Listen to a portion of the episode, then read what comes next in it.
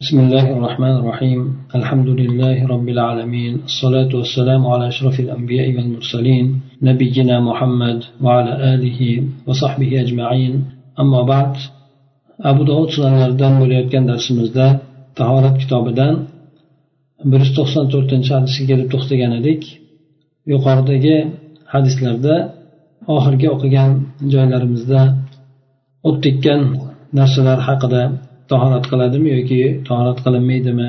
Degan mavzuda gapirib o'tayotgan edi bunda hadislarda keltirib o'tgandiki jobir roziyallohu anhuni o't tekkan payg'ambar alayhisalom davridagi oxirgi ish o't tekkan narsalardan tahoratni tark qilishlik degan hadislarini hamda undan yuqorida tuya go'shtini yeganda tahorat qilishlik kerak hadisini aytib o'tilgan edi o'tgan safargi darsimizda.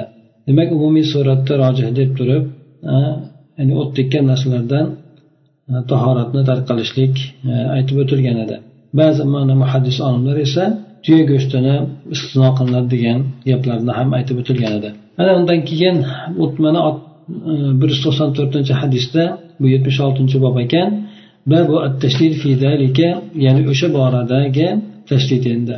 Ya'ni o't tekkan narsalardan tahorat qilishlik borasida. Bu hadisni e, abu davud rahmaulloh abu hurra roziyallohu anhudan rivoyat qiladi. Aytadiki qola qola rasululloh sollallohu alayhi vasallam al vudu'u mimma andajatin naru. Ya'ni buni imom muslim ham rivoyat qilgan ekan. Ya'ni hop tahorat o't tekkan narsalardan qilinadi degan mazmunda. Demak bu aslida ko'rinishligi xabar bo'lsada lekin bu buyruqni ifoda qiladigan xabardir. Ya'ni o't tekkan narsalardan yeydigan bo'lsalaringiz ham tahorat qilinglar degan mazmundagi hadis. Yuqoridagi hadisni aytib o'tgan edik e, demak e, payg'ambar alayhisalom davridagi oxirgi ish e, ikkita ishni oxiri bu o't narsalardan tahoratni tark qilishlik deb o'tilgan edi. Bundan tashqari yana bu yerda ikki tomonni ko'pchilik olimlar demak o't narsalardan tahoratni tark qilishlikni aytadi. Ba'zi olimlar shu tahorat qilishlik kerak deydi lekin ikkala tomonni ham o'zgarishi dalillari bor ekan. Bundan o'sha ba'zi olimlar aytadiki buni rojih masalasini ko'rishlik uchun e, xulafoy roshidinlarga qaraymiz. O'sha agar ular qarab ko'radigan bo'lsak ular demak narsalar yeyishganu o't tekkan narsalardan tahorat qilishmagan shuni rojih deb bilamiz degan gapni ham aytishgan ekan. Undan keyingi bir yuz to'qson beshinchi hadisda albatta buni sahiy deb keltiradi. E, bu hadisni esa أبو داود رحمه الله رواية كل وتدلركي حدثنا مسلم بن إبراهيم قال حدثنا أبان أن يحيى يعني ابن أبي كثر كثير عن أبي سلمة أن أبا سفيان ابن سعيد بن مغيرة حدثه أنه دخل دخل على أم حبيبة فسقته قدحا من سويق فدعا بماء فمضمض فقالت يا ابن أختي ألا توضأ؟ يعني ألا تتوضأ مع نفسه إن النبي صلى الله عليه وسلم قال توضأوا مما غيرت النار أو قال مما مست النار قال أبو داود وفي حديث الزهري يا ابن أخي لما يقاردك حديثة أم حبيبة أنا مزنا عود لارجاء عبر أبو سفيان بن سعيد بن مغيرة كلا لأن أم حبيبة فهي مثلا سلمنا إلى الهردان برلارة وأبو سفيان نقزة كريانا كيجن وأنا مس بوكشنا bir saviq ya'ni shavla deb qo'yamiz bizda. O'shandan bir qadah ya'ni bir qadah degani bemalol ikki kishiga yetadigan e, suv ichganda bemalol yetadigan idish aytiladi kattaroq bo'lgan. Hop ana o'sha idishga bir o'sha saviqdan ya'ni o'sha shavlaga o'xshagan ovqatdan bir qadahni ya'ni bir idishga solib berdi. Hop keyin uni yegandan keyin suv bilan e, suv olib keling dedi keyin og'zini chayqab oldi. Shunda aytadiki onamiz ey jiyan hm, tahorat olmaysizmi? degan tahorat olmaysizmi? Payg'ambar sallallohu alayhi vasallam shu o't o'zgartirgan narsalardan yoki o't tekkan narsalardan tahorat olinglar deb aytgan degan hadisni aytib o'tadi. Abu dovud boshqa bir hadisda rivoyatda keltiradiki bunda ibn uxti emas opamni o'g'li emas balki deb aytgan akamni o'g'li deb aytib o'tgan. Demak bu hadis yuqoridagi hadislarga bog'liq. Ya'ni o't tekkan narsalardan tahorat qilinadimi yoki tahorat qilinmaydimi degan borada tahorat qilishlik vojibmi yoki yo'qmi deb demak aytib o'tdik bu o't tekkan narsalardan tahorat qilinmaydi. Illo ba'zi olimlar o'sha tuya go'shtini istisno qilishadi bundan. Yetmish yettinchi bobda aytiladiki babun fil fi labani. ya'ni sut ichishdan tahorat qilishlik to'g'risidagi bob ekan albay rahmanalloh bu hadisga sahiy deb ishora beradi أبو abu رحمه الله. قال حدثنا قتيبة ابن سعيد. قال حدثنا ليس أن أقيل أن زهري أن أبيد الله بن عبد الله عن ابن عباس أن النبي صلى الله عليه وسلم شرب لبنا فدعا بماء فتمضمض ثم قال إن له دسما. وبنا اتفقنا عليها يعني إمام بخاري ومسلم حمد رواية كان. صلى الله عليه وسلم bir sutni ichdilar. Keyin suv olib kelinglar dedi. Olib kelgandan keyin og'zini chayqab oldilar. So'ng aytdilarki buni sababini aytib qo'ydilar. Albatta buni ham yog'i bor deb qo'shib qo'ydilar ya'ni o'zlari. Ya'ni sut ichgandan keyin tahorat qilishlik emas bu yerda mana og'zini chayqab olishlik tahoratdan murod bu yerda faqat og'zini chayqab olishlik mana aytib o'tilyapti. Toinki o'sha yog'i bor og'zida o'sha namoz o'qiyotgan paytlarida tishlari orasida qolib o'sha namozga xalaqit qilmasligi ya'ni keyin uni yutishlikka inson harakat qilmasligi mana shu narsalarni oldini olishligi uchun og'zini shunday ba'zan yegan narsalarni chayqab olinadi. Toinki namozda o'sha narsa uni mashg'ul qilib qo'ymasligi uchun. Undan keyingi mana yetmish sakkizinchi hadisda keltiriladiki babu ruxsati o'sha boradagi ruxsat to'g'risidagi bob ekan. Bu hadisni albani rahmaulloh hasan deb ishora qilgan ekanlar. Bu hadisni anas ibn molik roziyallohu anhudan rivoyat qiladi. U kishi aytadilarki إن رسول الله صلى الله عليه وسلم شرب لبنا فلم يمضمض ولم يتوضأ وصلى قال زيد دلني شعبة على هذا الشيخ رسول الله صلى الله عليه وسلم sut ichdilarda og'zini chayqab ham olmadilar tahorat ham qilmadilar namozini o'qiyverdilar deydi demak yuqoridagi hadisda chayqab olgan bo'lsa bunisida esa chayqamaganligini aytilyapti ya'ni inson ehtiyoj sezadigan bo'lsa chayqab olishlikka chayqab oladi agar hojat sezmasa unda chayqamasa ham bo'laveradi Yana roviylardan birisi aytadiki zayd degani meni shoba o'sha bu shayxga ya'ni yuqorida kelayotgan muti ibn roshidniga yo'llab qo'ydi deb aytadi. Ya'ni o'sha hadisni o'zidan olsin deb turib bu kishi so'raganda o'ziga yo'llab qo'ygan ekan mana shu odamdan rivoyat qilib yuborasiz deb turib bu hadisni ya'ni o'zidan olavering o'rtada meni o'rta chiqmasdan deb ya'ni imkoni borligida yana ham sanadni oliy bo'lishligi uchun u kishiga yo'llab qo'ygan ekan.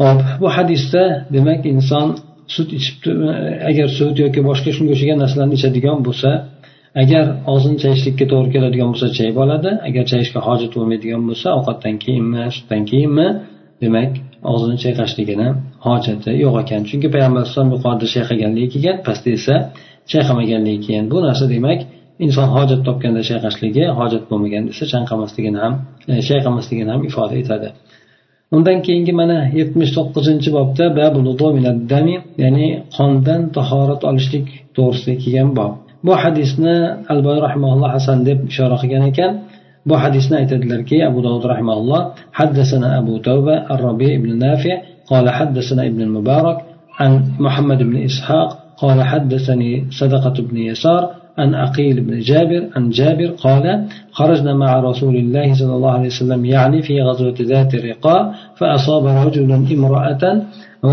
رجل من المشركين امرأة رجل من المشركين فخلف أن لا أنتهي حتى أهريق دما في أصحاب محمد صلى الله عليه وسلم فخرج يتبع أثر النبي صلى الله عليه وسلم فنزل النبي صلى الله عليه وسلم منزلا فقال من رجل يكلأنا فانتدب رجل من المهاجرين ورجل من الأنصار فقال كن كونا بفم الشعب. فقال فلما خرج الرجلان إلى فم الشعب اضطجع المهاجر وقام الأنصاري يصلي وأتى الرجل فلما رأى شخصه عرف أنه ربيئة للقوم فرماه بسهم فوضعه فيه فنزعه حتى رماه بثلاثة أسهم ثم ركع وسجد ثم انتبه صاحبه فلما عرف أنهم قد نذروا به هرب. فلما رأى المهاجري ما بالأنصاري من الدماء قال سبحان الله ألا أنبهتني أول ما رمى؟ قال كنت في سورة أقرأها فلم أحب أن أقطعها. Bu hadisni jobir ibn abdulloh roziyallohu anhudan rivoyat qiladilar u kishi aytadilarki biz rasululloh sollallohu alayhi vasallam bilan birgalikda jangga chiqqan edik. Ya'ni e, zotiriqo jangga chiqqandik zotiriqo jangi hijratni to'rtinchi yilda bo'lgan hamda zotiriqo deb aytilishligini sababi esa sahobalarni o'sha paytda o'zi ozchilik jangga chiqishgan ekan shunda ham bir tuyasi bor ekan uni navbatlashib minishardi ekan. Ya'ni yo'lda ko'pincha shu yalang'oy yurganligidan oyoqlari yorilib hattoki ba'zan tirnoqlari ham ko'chib ketgan ekan o'shanda oyoqlariga lata baylashib olganini rivoyat qilinadi. Ana o'sha lata baylab olganligidan bu zotiriqo o'sha lata baylab olingan jang degan nom ham berilgan ekan shunga. Hop bunda o'sha jangda sahobalardan birlari mushuklardan bir odamni ayolini o'ldirib ya'ni jangda o'ldirgan endi. Shunda haligi mushrik bo'lgan odam qasam ichgan ekanki o'sha muhammad sallallohu alayhi vasallamni ashoblarini qonini to'kmagunimgacha tiyilmayman deb turib qasam ichgan ekan. U odam payg'ambar sallallohu alayhi vasallamni izidan ergashib yo'lga chiqibdi. Payg'ambar sallallohu alayhi vasallam bir joyga borib tushdilar to'xtadilar. Aytdilarki qaysi bir odam bizni himoya qilib qo'riqlab turadi dedilar. Shunda muhojirlardan bir odam ansonlardan bir odam buni ijobat qildi. Payg'ambar sallallohu alayhi vasallam ularga aytdilarki sizlar darani og'zida bo'linglar bo'lmasa dedi. Ya'ni dara bilasizlar ikki tog'ni o'rtasidagi bo'ladigan chuqurlik bo'lgan joyni aytiladi. O'sha suv oqadigan suv yuradigan yo'l o'sha siyal deydi vodiy dara bo'ladi. Ana o'sha o'sha joyni og'zida ya'ni kirish joyida bo'linglar dedi. Rivoya aytadiki ikkala odam o'sha darani og'ziga chiqishgach muhojiriy bo'lgan odam yonboshladi dam olishlik uchun. Ansoriy esa namoz o'qib turdi. Ya'ni navbatlashamiz degan mazmunda birisi dam oladigan birisi ikkinchisi namoz o'qiydigan bo'ldi keyin esa bir muddatdan keyin almashadigan holatida bo'lardi ekan shunda bir haligi odam keldi endi. Orqadan izlab yurgan mushrik odam keldi. O'sha turib namoz o'qiyotgan sahobiyni qorasini ko'rdi. Shaxsini ya'ni uzoqdan ko'rganda insonda sharpasi shu qorasi ko'rinadi. Namoz o'qiyotgan sahobiyni qorasini ko'rdida bu odam demak qavmni oldingi bir askari ekanligini bildi. Ya'ni askarni oldida turgan odam ekanligini bildi. Ya'ni uni ortida boshqa askarlar bor ekanligidan xabar topdi. Keyin keyin u odam mo'ljallab turib o'q otdi. Kamonidan o'q otdi hamda o'sha o'q kelib sahobiyga tegadi endi. Sahobiy o'sha o'qni o'zidan chiqarib tashlaydi. Hattoki haligi mushuk bo'lgan odam uch o'q uch marta o'q uzadi so'ng ya'ni o'qizgandan keyin ularni ham chiqarib tashlaydi. So'ng u odam namozida ruku qiladi sajda qiladi. So'ng o'shanda keyin uni sherigi hali yotgan muhojiriy bo'lgan odam bundan ogoh topib qoladi. Bu yerda muhojir bo'lgan odamni ba'zi rivoyatlarda keltiradi ochiqlab. Ya'ni imom bayhaqiy daloil keltirgan ekanki bu ammor ibn yosir bo'lgan ansoriy esa ibbod ibn bashir bo'lgan deb keltiradi. Demak sohibi ogoh sohibi ogoh bo'lib qoladi. Ya'ni ba'zi rivoyatlarda keladi shu qon tomganligidan chachraydi o'shandan uyg'onib ketadi deydi. Haligi mushrik bo'lgan odam biladiki ular bilib qolgan sezib qolganligini biladida shu bilan bilgandan keyin qochib qoladi. Muhojiriy bo'lgan odam ansoriydagi oqayotgan qorni ko'rgach subhanalloh deb aytadi. Ya'ni taajjublanib subhanalloh deydi. Ya'ni subhanalloh alloh taoloni poklayman degani ko'pincha bu narsani arablarda taajjub uchun ishlatishadi. Meni o'sha odam birinchi otgandaglar ogohlanib turib uyg'otib qo'ymabsizda menga ogoh berib qo'ymabsizda dedi. Shunda u odam aytadiki men bir surani o'qiyotgan edim. Ba'zi rivoyatlarda bu sura kaf surasi ekanligini aytiladi. Ya'ni bir surada edim uni uzishlikni buzishlikni xohlamadim yaxshi ko'rmadim. Shundan o'shani o'sha surani davom ettirishlikni o'zimga afzal deb bildim deb aytgan ekan. Mana bu demak rivoyat ko'plab e, kitoblarda keltiriladi hadis rivoyatlarda keltiriladi tarix siyrat kitoblarida ham keltiriladi bu rivoyat. Bu shunga dalolat qiladiki mana bu o'rinda mana ansoriy bo'lgan odamni tanasidan qon oqdi kiyimlariga ham tekkanligi bu tayin. Bu kishi esa namozini buzmadi davom etaverdi. Demak bu kishidan qon oqib turganligi namozini tahoratini buzmadi ham hamda o'sha yerda u kishini qon oqqandan keyin kiyimi tegishligi bu ko'proq ana bu ham demak u kishini kiyimini ham najas qilmadi deb aytishadi. Qon borasida avvalo tahoratga yetkazadimi yo'qmi deb olimlar ixtilof qilishadi. Undan keyin qonni najosat najosat emasligi borasida ixtilof bor olimlarni o'rtasida. Tahorat yetkazishlik ketkazmasligi borasida imom shofiy bilan imom molikni mazhablarida asosan qon chiqadigan bo'lsa bu qon agar insonni oldi orqasidan chiqmaydigan bo'lsa oldi peshobidan hamda orqa tomondan chiqmaydigan bo'lsa qolgan joydan chiqadigan qonlar tahoratni buzmaydi najos hisoblanmaydi tahoratni buzmaydi deb aytishadi. Imom ahmad bilan abu hanifa mazhablarida esa qon agar ko'p chiqadigan bo'lsa tahoratni ketkazadi deydi hamda bular ko'p ekanligida qanchaligida ixtilof qilishgan. Abu hanifa mazhablarida o'sha qon turib oqadigan bo'lsa o'sha joyidan siljib oqadigan bo'lsa bu tahoratni ketkazadi deydi. Imom ahmadda esa agar inson ko'rib turib agar uni ko'p deb biladigan bo'lsa haqiqatdan odatda ko'p bo'lib chiqqan bo'lsa ana o'shagina tahoratni ketkazadi ozroq chiqqan qon masalan burun oqqanda chiqadigan qonlar bu tahoratni ketkazmaydi deb aytishadi. Hop mana bu hadisimizda ham ayni mana sohobiydan qon chiqqanda tahorat o'qiyverdi. Bundan tashqari yana boshqa e, umar roziyallohu anhu umrlarini oxirlarida abu lulua degan o'sha majusiy tomonidan pichoqlangan paytida e, bu kishi namozni davom ettirishga harakat qiladi. O'sha kishi u kishini o'sha badandan qon oqayotgan bo'ladi. Keyin davom ettirolmasdan kuchi yetmasdan bu kishi yiqiladi. Mana bu o'rinda ham demak o'sha masjidni ichida bo'ladi. Bu kishi o'sha qon tegadi. Undan tashqari yetti sahobiyni u pichoqlaydi. Ulardan qon chiqadi ularni kiyimlariga tegadi.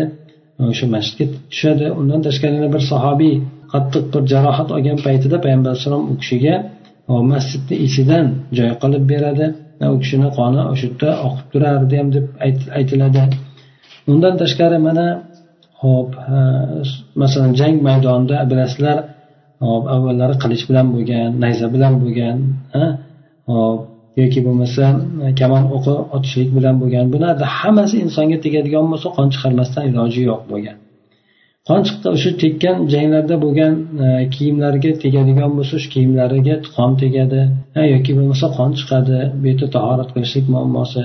Kiyimi agar najosat tonni najosat deb aytiladigan bo'lsa o'sha kiyimlarga tekkan qonni e, demak yuvib tashlashlik muammosi bu yerda paydo bo'lardi. Undan tashqari mana ma'lumki shahidlar bular ko'miladigan bo'lsa o'sha oqqan kiyimlari o'sha qonlari bilan birgalikda ko'miladi. Ularni qonlari yuvib tashlanmaydi ham kiyimlari o'zgartirilmaydi ham o'sha kelayotgan qonli bo'lgan kiyimi bilan jang maydonida o'ladigan bo'lsa o'shanday qilib ko'miladi endi. Agar bundan o'sha oqqan qonlarni najosatligi bilinadigan bo'lganda albatta ularni yuvishlik kerak bo'lardi. Yoki bo'lmasa o'sha sahobalardan ko'plab janglarda aytaylik jarohatlanganlar juda ko'plab bo'lar edi.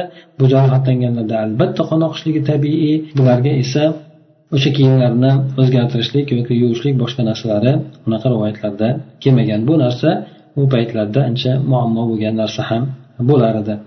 Bu juda ko'p sodir bo'lganligidan hamda o'sha narsani almashtirishlik ya'ni o'sha narsani yangilashlik yoki yuvib tozalashlik ularga ancha muammoni tug'dirgan bo'lar edi.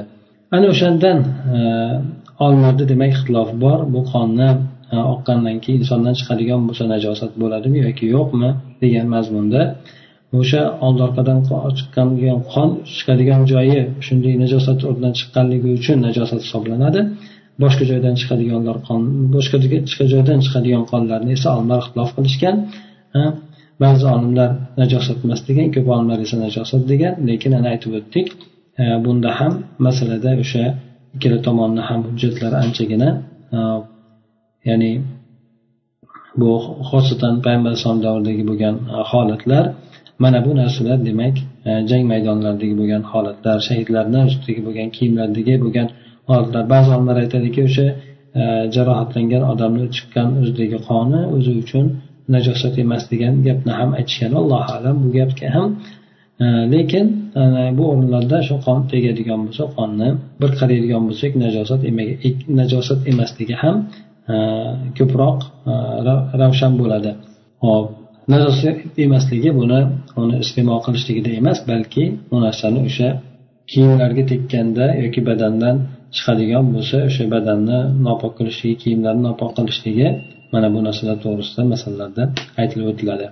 Ya'ni inson ehtiyot bo'lgani ancha yaxshi bo'ladi ehtiyot bo'ladigan bo'lsa shu qonlardan ham lekin ba'zan iloji bo'lmagan o'rinlarda hop ba'zilar jang maydonidagi zarurat holati ham deb aytishadi. Ya'ni undan ya'ni qutulishlik imkoniyati bo'lmaganligi uchun shuning uchun shunday holatda o'qilaveradi ham deb aytishadi. Vallohu alam. Demak inson iloji boricha ehtiyotini qilishlik kerak ixlosdan chiqishlik uchun ham agar yo'q agar imkoniyati yo'q bo'lib qon e, tegib qolsa yoki qon chiqib bo'ladigan bo'lsa yuborishlik imkoni bo'lsa yuboradi bo'lmasa o'sha holatida namoz o'qisa bo'laveradi. Hop qonni tahoratni buzishlik buzmaslik to'g'risida ham aytib o'tdik. E, bu ko'proq qonni chiqishligi ko'proq buzmaydi. E, Illo ikki yo'ldan oldidan orqadan chiqadigan qon bundan mustasno chunki u chiqadigan joyi najisdan chiqqanligi uchun hamma o'sha oldi orqadan chiqadigan narsalar tahoratni buzadi. Boshqa joydan chiqadigan qonlar esa unaqa tahoratni ham buzmaydi. Undan keyin mana saksoninchi hadis bobda keladiki ya'ni uyqudan tahorat qilishlik to'g'risidagi bob ekan. Bu albon rahmaulloh bunga sahiy deb ishora qilgan ekan. Abu dovud rahmaulloh bu hadisni abdulloh ibn umar roziyallohu anhudan rivoyat qilgan. U kishi aytadilarki أن رسول الله صلى الله عليه وسلم شغل عنها ليلة فأخرها حتى رقدنا في المسجد ثم استيقظنا ثم رقدنا ثم استيقظنا ثم رقدنا ثم خرج علينا فقال ليس أحد ينتظر الصلاة غيركم بو متفق عليه حديث ekan payg'ambar sollallohu alayhi vasallam bir kecha undan ya'ni xufton namozidan band bo'lib qoldilar ba'zi rivoyatlarda payg'ambar alayhisalom askarni jangga tayyorgarlik ko'rayotganligidan chiqadigan askarni jangga hozirlantirayotganligidan mashg'ul bo'lib qolganligi ham aytiladi. Shunda namozni kechiktirdilar. Hattoki biz masjidni ichida uxlab qoldik deydi so'ng bir uyg'ondik so'ng uxladik so'ng uyg'ondik yana uxlab qoldik deydi so'ng payg'ambar alayhissalom bizga chiqdilar. Aytdilarki ya'ni bironta odam sizlardan boshqa bironta odam namozni kutayotgani yo'q dedi. Ya'ni yer yuzida bironta odam sizlarni namozni sizlardan boshqa namozni kutayotganlar yo'q dedi. Ya'ni avvalda bo'lganlar namozlari boshqa masjidlarda bo'lgan bo'lsa ular namozlarini o'qib yotishdi. Bunaqa kech holatda bular sizlardan boshqa hech kim namozni vaqtini kutayotgani yo'q deb payg'ambar alayhisalom ularni bir maqtash orqali ularni ya'ni ko'nglini ko'tarmoqchi bo'ldi. Bu hadisda demak zohiran qaraydigan bo'lsak uxladi keyin uyg'ondi yana uxladi uyg'ondi keyin shuni tahorat qilganligini aytmaganda shuni namoz o'qiverganligini aytib o'tilgan. Mana quyidagi hadislarda ham keladi. Buni albon rahmaulloh mana ikki yuzinchi hadisda sahiy deb ishora qilgan ekan. Bu hadisni anas roziyallohu anhudan rivoyat qilingan ekan. Aytadilarki kana ashabi rasululloh sollallohu alayhi vasallam عليه وسلم ينتظر العشاء الأخيرة آخرة حتى تخفق رؤوسهم ثم يصلون ولا يتوضؤون imom muslim rivoyat qilgan ekan bu hadisni ham aytadilarki rasululloh sollallohu alayhi vasallamni sahobalari oxirgi xufton namozini ya'ni rosmoni mana xufton namozini kutar edilar hattoki ularni boshlari pastga quyiga egilib ham ketar edi ya'ni tuhfiqa degani bosh egilib ko'kragiga tushib qolishligi yoki bo'lmasa mana namoz e, namozda deymana hop ya'ni ba'zida odamni o'tirgan holatda uyqusi kelgan paytda kallasi ketib qolaveradi pastga ana o'shandek bo'lar edi. Hm? So'ng bular tahorat qilmagan holatda yana namozini o'qiverardilar ya'ni tahorat qilmasdilar deb keltiriladi bu yerda. Undan keyingi hadisda esa abu dovud rahmaulloh aytgan ekan shuba qatodadan ziyoda qilgan ekan rasululloh sollallohu alayhi vasallamni davrlarida bizni boshlarimiz quyiga tushib ketar edi o'tirganimizda uyqudan. deb aytgan ekan yana bundan shunga o'xshagan hadis ikki yuz birinchi hadisda keladi albani rahmaulloh bunga ham sahiy deb ishora qilgan ekanlar bu ham anas ibn molik roziyallohu anhudan qilingan rivoyat aytadilarki uqimat solatul isha faqama rajulun faqala ya rasululloh inna li haja فقام يناجيه حتى نعس القوم أو بعض القوم ثم صلى بهم ولم يذكروا وضوءا إمام مسلم هم روايتنا قيانا كلا Anas molik roziyallohu anhu aytadilarki xufton namoziga takbir aytilgan edi. Ozon emas balki takbir aytilgan edi bir odam shunda turib qoldi. Aytdiki ey rasululloh meni ishim bor edi sizda dedi. Bir odam kelib meni ishim bor edi deb payg'ambar alayhissalomga aytdi. Payg'ambar alayhissalom keyin u odam oldiga borib payg'ambar alayhissalomni o'ziga gapira boshladi. Yunaji qoma yunajihi payg'ambar alayhissalomni o'zlariga gapirib ya'ni hamma ommaga emas balki o'zlarini qulog'iga eshitadigan qilib gapirib turdi. Hattoki mana ba'zi odamlar yoki qavmni hammasi yoki ba'zilari uxlab qoldi. So'ng payg'ambar alayhisalom ular bilan namozni o'qidilar. Mana bu o'rinda tahoratni zikr qilmadi roviy ya'ni ya'ni tahorat mana shunday uxlab qoldi dedi keyin hamma turib namoz o'qib yuborgan bu yerda tahorat qilinglar deb payg'ambar alayhissalom aytmagan. Undan keyingi mana hadisda keladi lekin bu hadisga zaif deb ishora bergan ekan. Bu hadisni ibn abbos roziyallohu anhudan rivoyat qilingan ekan. U kishi aytadilarki anna rasululloh sollallohu alayhi vasallam كان يسجد وينام فينفخ ثم يقوم فيصلي ولا يتوضأ.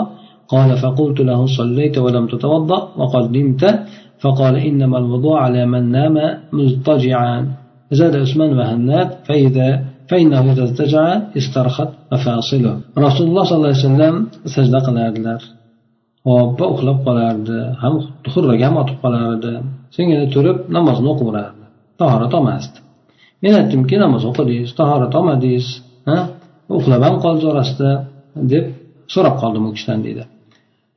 U zot aytdilarki albatta tahorat bu yonboshlab uxlagan odamga lozim bo'ladi deb aytdi. Usmon bilan hannot roviylar ziyoda qilishdiki ziyodasida kelgan ekan agar inson yonboshlab uxlaydigan bo'lsa uni bo'g'imlari bo'shab ketib qoladi. Ya'ni o'sha yem chiqishligi insondan oson bo'lib qoladi sezmay qoladi degan e, nimada aytgan ekanlar. Bu hadis demak doif deb keltirilyapti. Rivoyat bo'yicha san'at bo'yicha doif ekan. Undan tashqari yana oysha onamizdan rivoyat keladiki payg'ambar sallallohu alayhi vasallam e, aytganlarida ya'ni bizni meni ko'zim uxlaydiyu qalbim uxlamaydi. Boshqa rivoyatlarda payg'ambarlarni ko'zlari uxlaydiyu qalblari uxlamaydi degan gaplarni aytganlar. Mana bu o'rinda demak payg'ambar sallallohu alayhi vasallam yonboshlab uxlaganligi emas balki bu kishi bir namozdan bomdod kutgan holatda uxlab qoladilar tongki qo'rg'agan otadilar turib turib namoz o'qiydilar. Shunda oysha onamiz bu kishidan taajjublanib so'ragan paytlarida bu kishi shunday deb javob qiladi. Ya'ni ko'zim uxlaydiyu qalbim uxlamaydi ya'ni men hamma narsadan xabardor bo'lib turaman degan mazmunni aytganlar undan keyingi hadisda abu dovud rahimalloh aytadilarki قوله والوضوء على من نام مضطجعا هو حديث منكر لم يروه إلا يزيد بن أبو خالد الدالاني عن قتادة وروى أوله جماعة عن ابن عباس ولم يذكر شيئا من هذا وقال كان النبي صلى الله عليه وسلم محفوظا وقالت عائشة رضي الله عنها قال النبي صلى الله عليه وسلم تنام عيناي ولا ينام قلبي ya'ni abu dovud o'zida aytadilarki tahorat yonboshlab yotgan odamga lozim bo'ladi degan gapi bu munkar hadislar buni yazid abu xolid daloniy faqat qatodadan o'zi rivoyat qilgan yana buni avvalini esa avvalgi o'sha ya'ni degan so'zdan oldin kelgan so'zlarni gaplarni ibn abbosdan boshqa bir jamoa bir ko'pchilik rivoyat qilgan ekan. Lekin mana bundan biron narsani zikr qilishmagan ekan. O'sha yotib olib uxlagan odamga tahorat lozim bo'ladi degan nimani. Payg'ambar sallallohu alayhi vasallam bu kishi alloh tomonidan saqlangan edi. O'sha yer chiqmasdi bu kishidan. Oysha onamiz aytganlarki payg'ambar sallallohu alayhi vasallam o'zlari aytganlar demak yuqorida aytib o'tganimizdek meni ko'zlarim uxlaydiyu qalbim uxlamaydi deb aytganlar edi.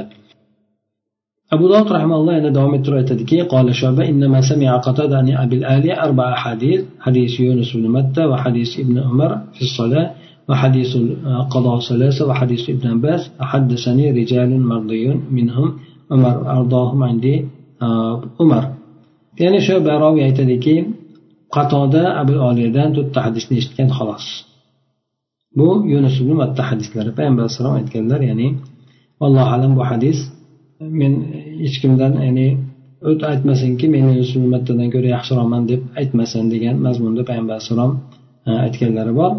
O'sha hadis ya'ni ibn umarni namoz borasidagi kelgan hadislari hop yana qozilar uchta bo'ladi deb aytgan hadislari qozilar uchta bo'ladi degan ya'ni ma'lum bu hadis e, birisi jannatda ikkinchisi do'zaxda ya'ni haqni biladi haq bilan hukm qiladi bu jannatda haqni bilmaydi botil bilan hukm qiladi. Bu do'zaxda haqni biladiyu botil bilan hukm qiladi. Bu ham do'zaxda degan mazmunda payg'ambar alayhisalom aytganlar. Keyin ibn abbosni hadislari ya'ni menga juda rozi bu alloh tomonidan rozi bo'ladigan odamlar hadisni aytib berishgan ularni ichida umar bor lekin ularni ichida eng o'sha roziroq bo'ladigani bu umardir deb aytib o'tgan hamda uni undan keyin hadisni aytib o'tgan aytib o'tgan hadislar endi. abu dovud aytadilar keyin yazid li ahmad ibn hanbal keyin bu yerda yazid doloniyda ahmad ibn hambalga bu qilgan hadisni zikr qilgan edim aytib o'tgan edim. Shunda bu hadisni oxir bildilarda bu hadis yo'li bilan rivoyat qilinganligini oxir bilib meni menga o'shqirib berdilar deydi qattiq gapirib berdilar menga deydi. Ya'ni hop ya'ni bu yazid doloniyni hop bu yuqorida aytib o'tgandek E, hadisi bu hadisini to'g'ri sahih emasligiga ishora qilib e, bu kishi aytib qattiq gapirib bergan ekanlar. Aytgan ekanlarki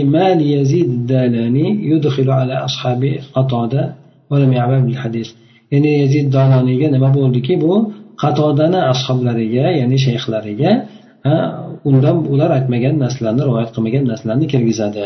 Ulardan rivoyat qilmagan narsalarni rivoyat qil deb aytadi degan mazmunda gapni aytib o'tgan ekanlar. Ikki yuz uchinchi hadisda keltiriladiki rahmaulloh bunga hasan deb e, ishora qilgan ekanlar.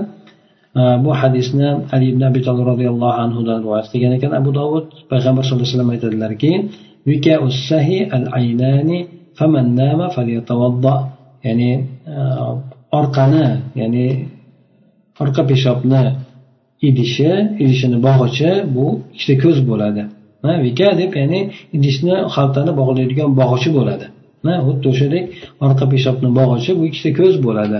Agar ko'z uxlab qoladigan bo'lsa tahorat olsin deb aytgan hadislari. Demak e, agar uxlab qoladigan bo'lsa inson e, o'zini sezmay qoladi bilmay qoladi tahorat ketib qolganligini ham e'tibor e, bilmay qolishligi e'tibor qilmay qolishligi mumkin. Ana o'sha narsa.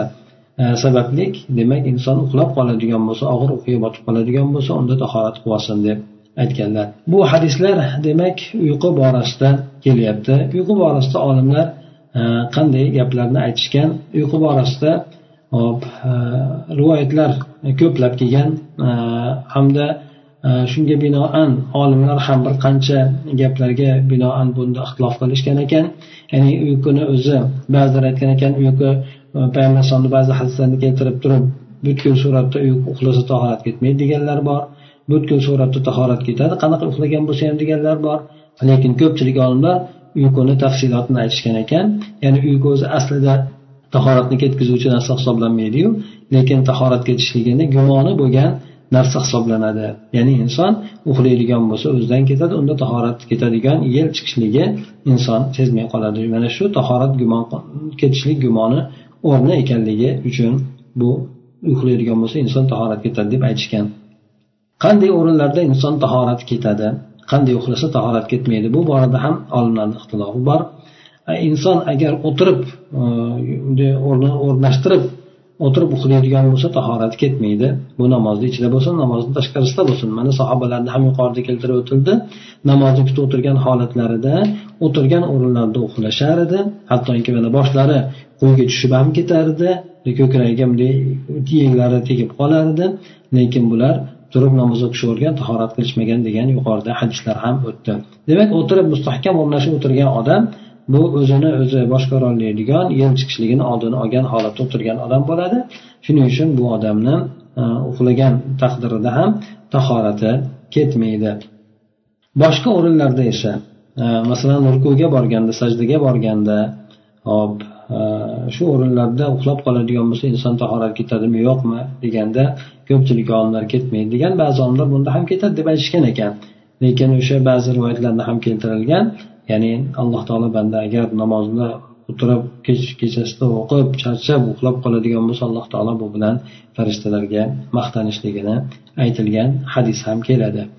Hop abu hanifa mazhablarida ham inson namozni ichida uxlab qoladigan bo'lsa tahorat ketmaydi o'tirib uxlasa ham tahorat ketmaydi lekin yonboshlab uxlasa yoki bir narsaga suyanib uxlasa hamda o'sha narsani olib qo'ysa o'sha yiqilib ketadigan darajada shunda ham bilmaydigan bo'ladigan bo'lsa unda insonni tahorati ketadi deb aytiladi. Umumiy suratda inson hop bu ma'budni sohiblari aytadiki agar inson yengil uxlaydigan bo'lsa hamma narsani bilib turadigan lekin aytilayotgan narsani eshitib turgan lekin tushunmaydigan hamma narsani bilib turadigan eshitib turadigan lekin uni tushunolmaydigan holatda uxlab qolgan odamni tahorat ketmaydi deb aytgan ekan. Lekin inson e, bu yerda e, agar bir narsaga suyanib uxlaydigan bo'lsa bemalol uxlab qolgan bo'lsa o'zini bilmaydigan holatda unda tahoratini yangilab olishlik kerak bo'ladi.